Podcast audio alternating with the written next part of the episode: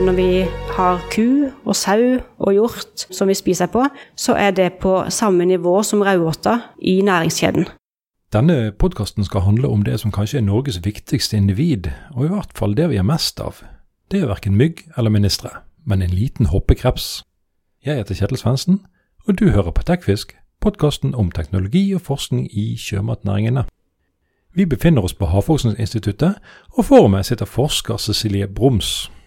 Stemmer det at du har forskeransvar for dyreplankton, og ikke minst den omdiskuterte raudåten? Vi befinner oss på Havforskningsinstituttet, og vi skal snakke med forsker Cecilie Broms.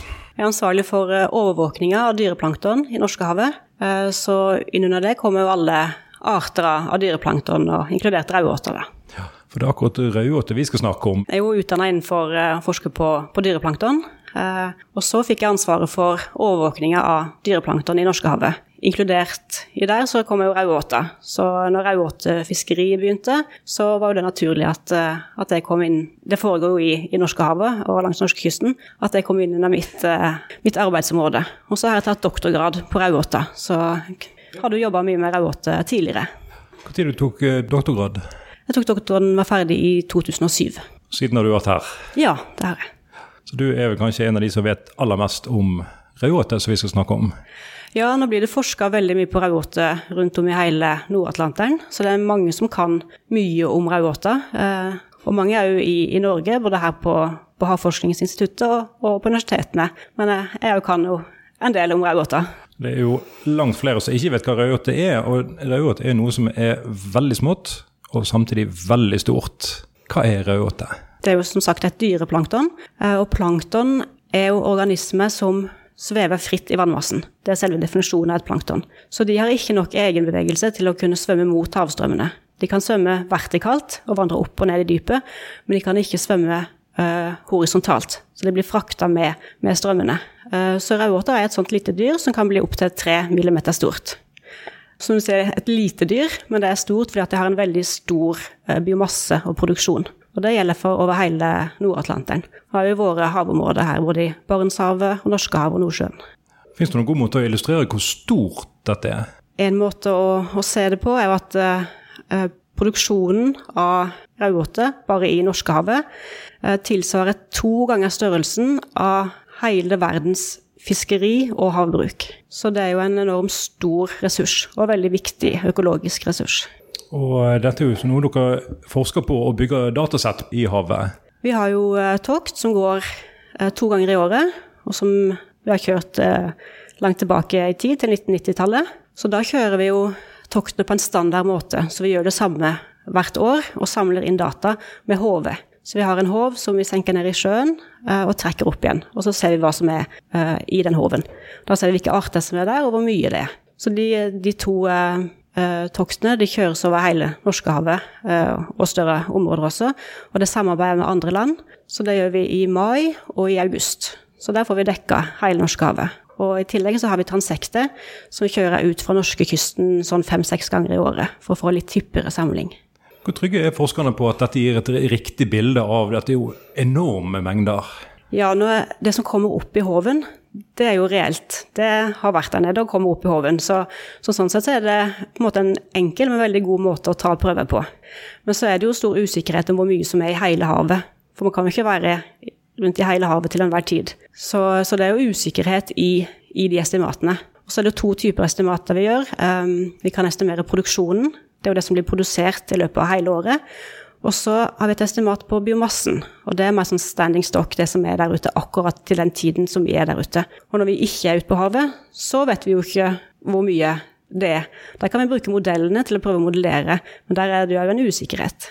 Så dere kan estimere tilfanget, rett og slett? Ja. Det forskes rundt om i verden. Hva forskes det på? Det forskes jo på hvor mye det er. Det forskes på eh, hvordan utviklinga har vært, både gjennom sesongen. For det er store endringer gjennom sesongen, hvor mye raudåte som er der. På vinteren så går den jo i dypet, så da er den ikke i så da er det mindre tilgjengelig i overflata. Så det varierer veldig gjennom sesongen, hvor mye som er oppe i øvre vannlag og tilgjengelig. Eh, så forskes det på tidspunktet for når raudåte har sine hendelser. Når eh, legger den egg? Når eh, utvikler de her eggene seg til små naupli-stadiet, som det heter først, og så kompoblitt-stadiet? Hvordan treffer de her den utviklinga av de stadiene f.eks. med når det er våroppblomstring? Og raudåta må jo ha mat. Så hvordan treffer det? og Har det vært endringer i, i det nå, f.eks. inn mot klimaendringer? Så forskes det jo på um, f.eks. pelagisk fisk. Hvor mye spiser de av, av rauåte og annet plankton? Um, om kan rauåta og annet plankton f.eks. være med på å bestemme hvordan sild og makrell uh, vandrer rundt i, i sine havområder når de, når de, er på beitevandring. Rett og slett uh, følge matfatet? Ja. Men hva spiser raudåten? Raudåten spiser planteplankton. Så et plankton som spiser plankton? Ja. For du deler det inn i dyreplankton og planteplankton? Ja, så planteplankton er jo som gresset og bladene på, på jorda. Får energi fra sola. Og så er det dyreplankton som tar den energien videre inn i næringskjeden. Og når vi snakker om næringskjeden, så er jo plankton, og raute spesielt, er jo veldig viktig for veldig mange arter. Hvor viktig? Jeg tror kanskje vi kan si at uh, raudåta er Norges viktigste dyr. Kanskje Nord-Atlanterens viktigste dyr. Fordi den er, når den når eldre stadier, så er den veldig full av fett. Og den finnes i så store mengder. Så den er veldig viktig for de store pelagiske og kommersielle fiskebestandene som, som vi eh, lever av i Norge. Så for sild og makrell og kolmule så er den veldig viktig som mat. Men òg for, for larver av andre eh, fiskearter, f.eks. torsk. Torskelarver spiser raudåtene. Og når raudåta er liten, så kan de minste torskelarvene spise på den. Og når raudåta vokser seg litt større, så kan de større torskelarvene spise på den. Så utvikler det seg i takt. Så den er veldig viktig for både voksen pelagisk fisk og fiskelarve. Dette har jo eh, oppdretterne også funnet ut. Du nevnte klima i sted. Ehm, og dette er jo eh, et dyr som eh, ikke kan flytte seg sjøl. Hvordan er utbredelsen etter hvert som havet blir varmere og vannmassene i bevegelse? Vi har ikke sett de store forandringene i uh, Norskehavet ennå, som vi kan knytte direkte til, til klimaendringer. Vi ser jo uh, endringer og trender som kan knyttes til havstrømmer. Uh, mens både i Barentshavet og i Nordsjøen så er det nok mer endringer som vi kan knytte direkte til klimaet. Så vi ser i Barentshavet at det blir mer raudåta der oppe. Eh, normalt sett så var det ikke så mye av den der, og lenger mot nord. Der er det mer arktiske arter, men nå har raudåta flytta seg lenger nordover, og det er mer av den i, i Barentshavet også. Mens i Nordsjøen så har det motsatte skjedd. At der har raudåta, som var veldig vanlig før, trukket seg lengre nord i, eh, i, i, Nordsjøen. Og der er det kommet rauåtas raudåtas fette, som er Calanus helgolandicus, har blitt mer vanlig der, som egentlig er en mer sånn sydlig art. Er det en, eh, en, art med de samme egenskapene for uh, våre bestander og vårt uttak?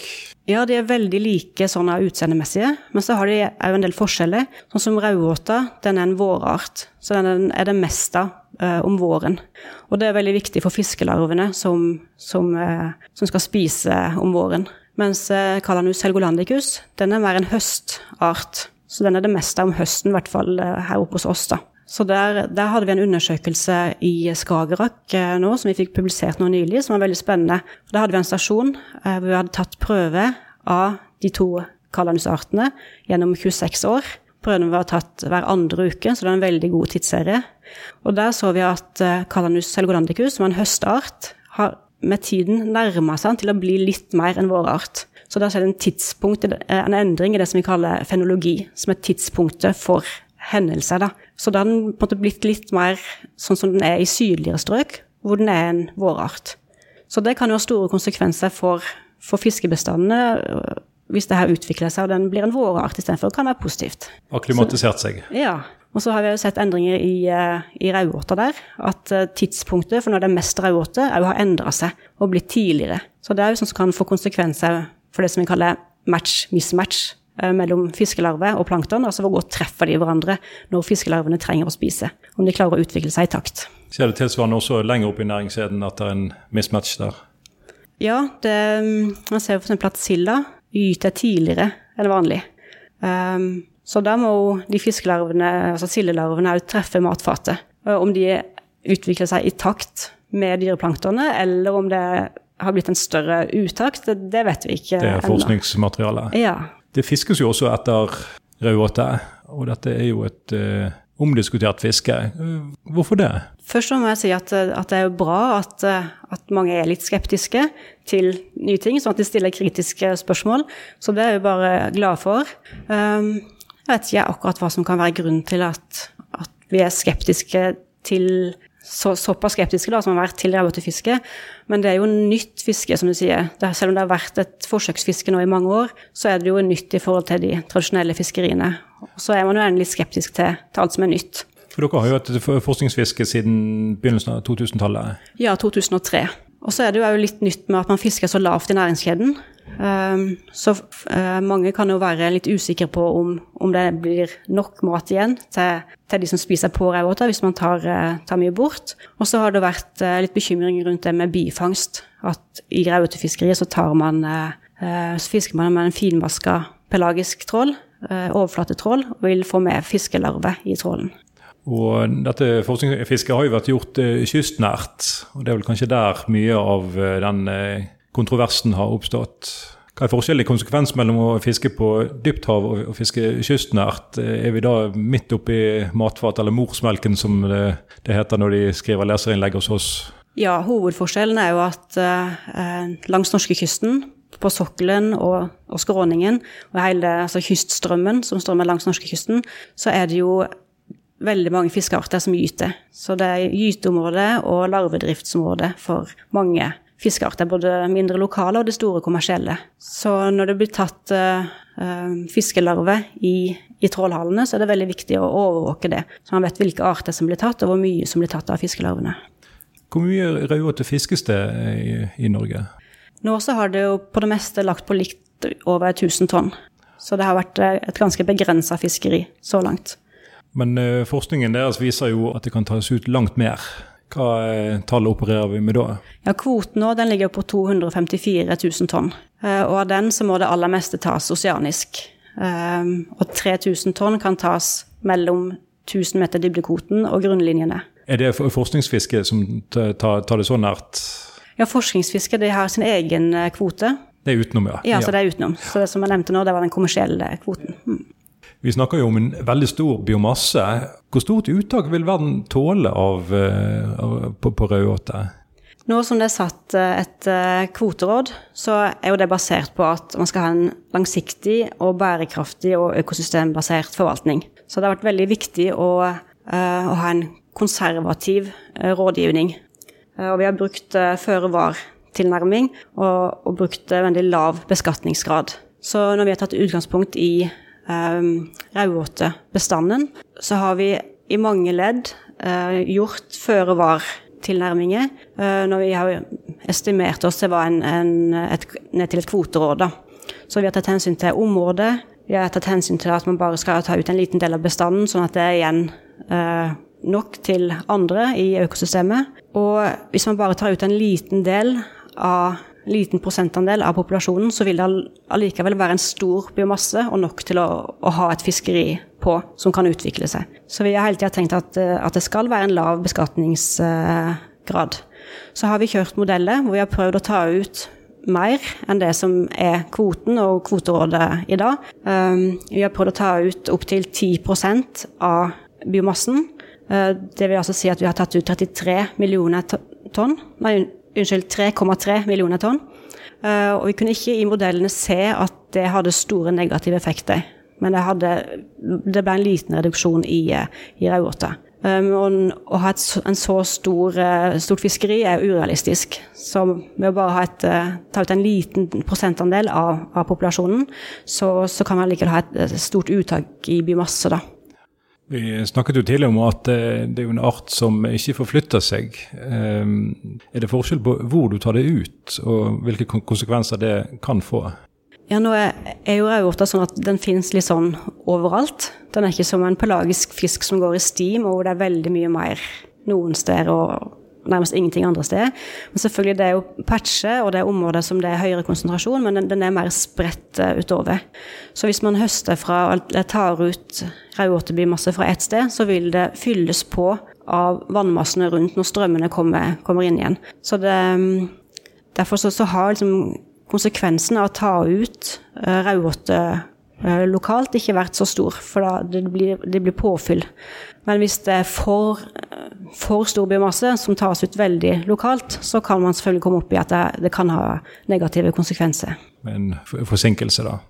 Ja, så da kan det bli mindre mat til, til fiskene som er der. Men, eh, men, når man tar ut uh, raudåta kystnært, så kommer det påfyll òg fra, fra, havet. Samtidig så påvirker jo klimaendringene, som du nevnte, det blir mindre i sør og mer i nord.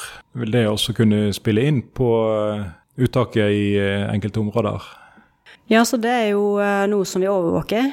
Um, vi ser jo på om det kommer inn flere arter fra sør, f.eks., mer varmekjære arter, som gjør at økosystemet kan være i, i endring. Og vi følger med på mengden raudåte og mengden dyreplankton som er ute i havområdene. Så jeg tenker det må vi hele tida følge med på, og, og justere forvaltningen ettersom man, man ser der, hvis, den utviklinga. Dere har jo forsket på alle aspekter ved Rauåten. Hva, hva, er bra med Rauåten for oss? Nå har det jo um, blitt utvikla produkter som skal være bra for oss. Um, det skal ikke jeg gå, gå nærmere inn på.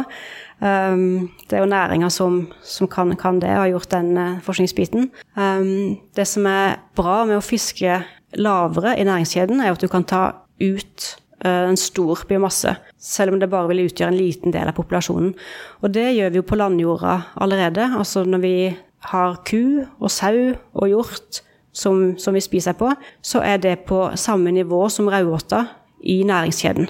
Der er det jo gresset som er først, og så kommer kua. Akkurat som i havet, der er det jo planteplanktonet som kommer først, og så er det raudåta. Så i, i, i havet så har vi jo tradisjonelt sett fiska veldig høyt oppe i næringskjeden. For den som spiser raudåte, er jo silda. Og den som spiser sild, kan være torsk. Så torsken er veldig høyt oppe. Og for hvert ledd man går oppover i næringskjeden, så mister man rundt 90 av energien. Så ved å fiske på lavere trofisk nivå, så kan man hente ut mye mer av havet. Så derfor er det spennende å, å se om det kan gå an å ha et eh, fiskeri, et bærekraftig fiskeri, hvor man kan, kan ta ut uh, og bruke en større del av, av havet. Da.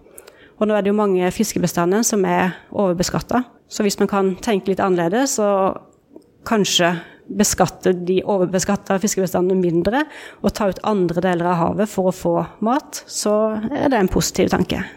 Hvilke bruksområder har rødåte hos oss på landjorden? Ja, Den kan eh, brukes til både menneskemat og fisk og dyremat. Og så er det vel hovedsakelig å lage det om til eh, fettkapsler som er et kostholdstilskudd. Det er ho hovedproduktet som det brukes til nå.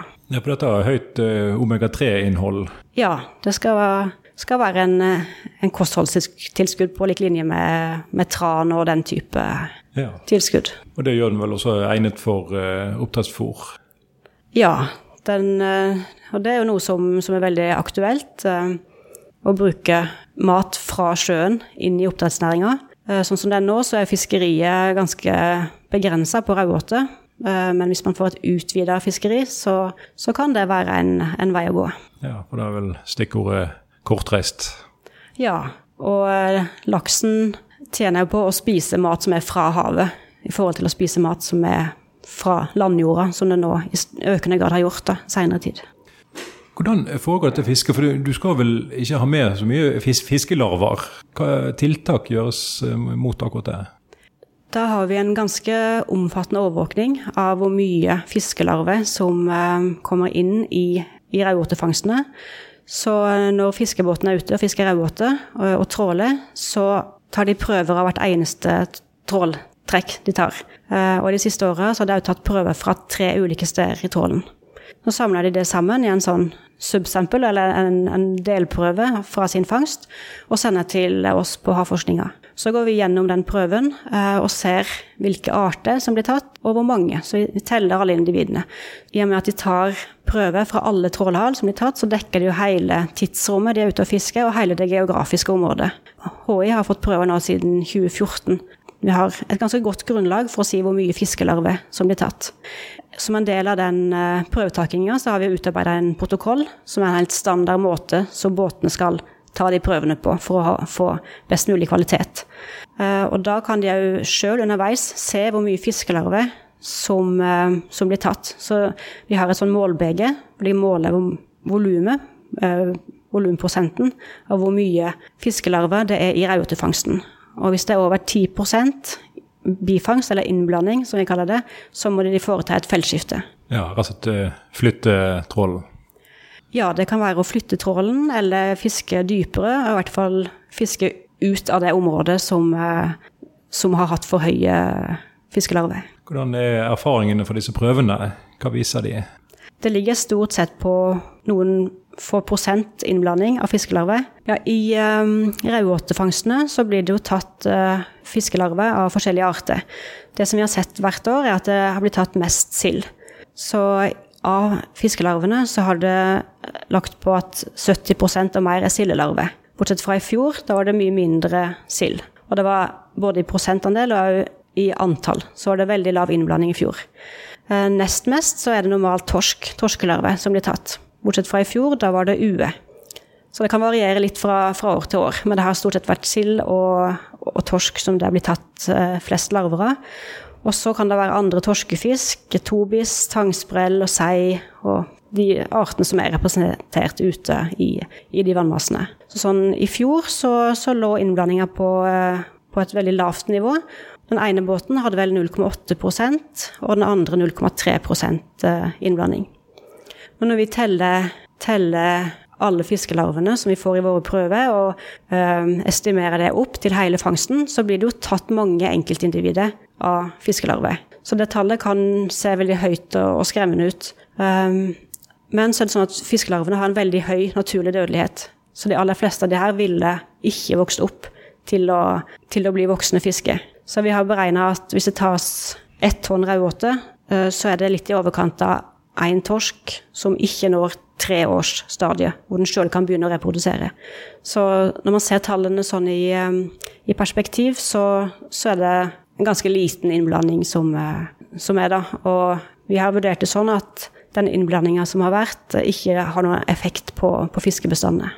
tilsvarende fiske etter eh, annen plankton, hva gjøres eh, Gjøres det i stor grad eh, andre steder? Det største fisket som, eh, som vi har på, på, plankton, er jo krill i Sørishavet, i Antarktis. Så ellers er det ikke vanlig Det har ikke vært utbredt å fiske på, på små, um, små dyreplanktonarter. Men større krepsdyr, sånn som uh, krabbe, reke og hummer, er jo utbredt. Er dette et fiskeri som kommer nå til å øke på? I dette fremtidens fiskeri? Det fiskeriet som har vært i Norge, har jo økt jevnt og trutt. Og man har jo planer for å, å fortsette, og, og, det er satsinger. Så det virker som at, at det vil utvikle seg og, og kanskje bli en, en, næring. Men hvor stort det kommer til å bli, det, det vil bare tida vise. Men uh, forskerne følger med? Ja. Vi overvåker, og vi har egne forskningsprosjekt for å få mer informasjon. Og så får vi mye ny informasjon nå i løpet av de årene som det har vært fiske på raudåte, så har vi fått mye mer informasjon, bl.a. om bifangst, eh, som er veldig nyttig. Du har hørt TechFisk, podkasten om teknologi og forskning i sjømatnæringen.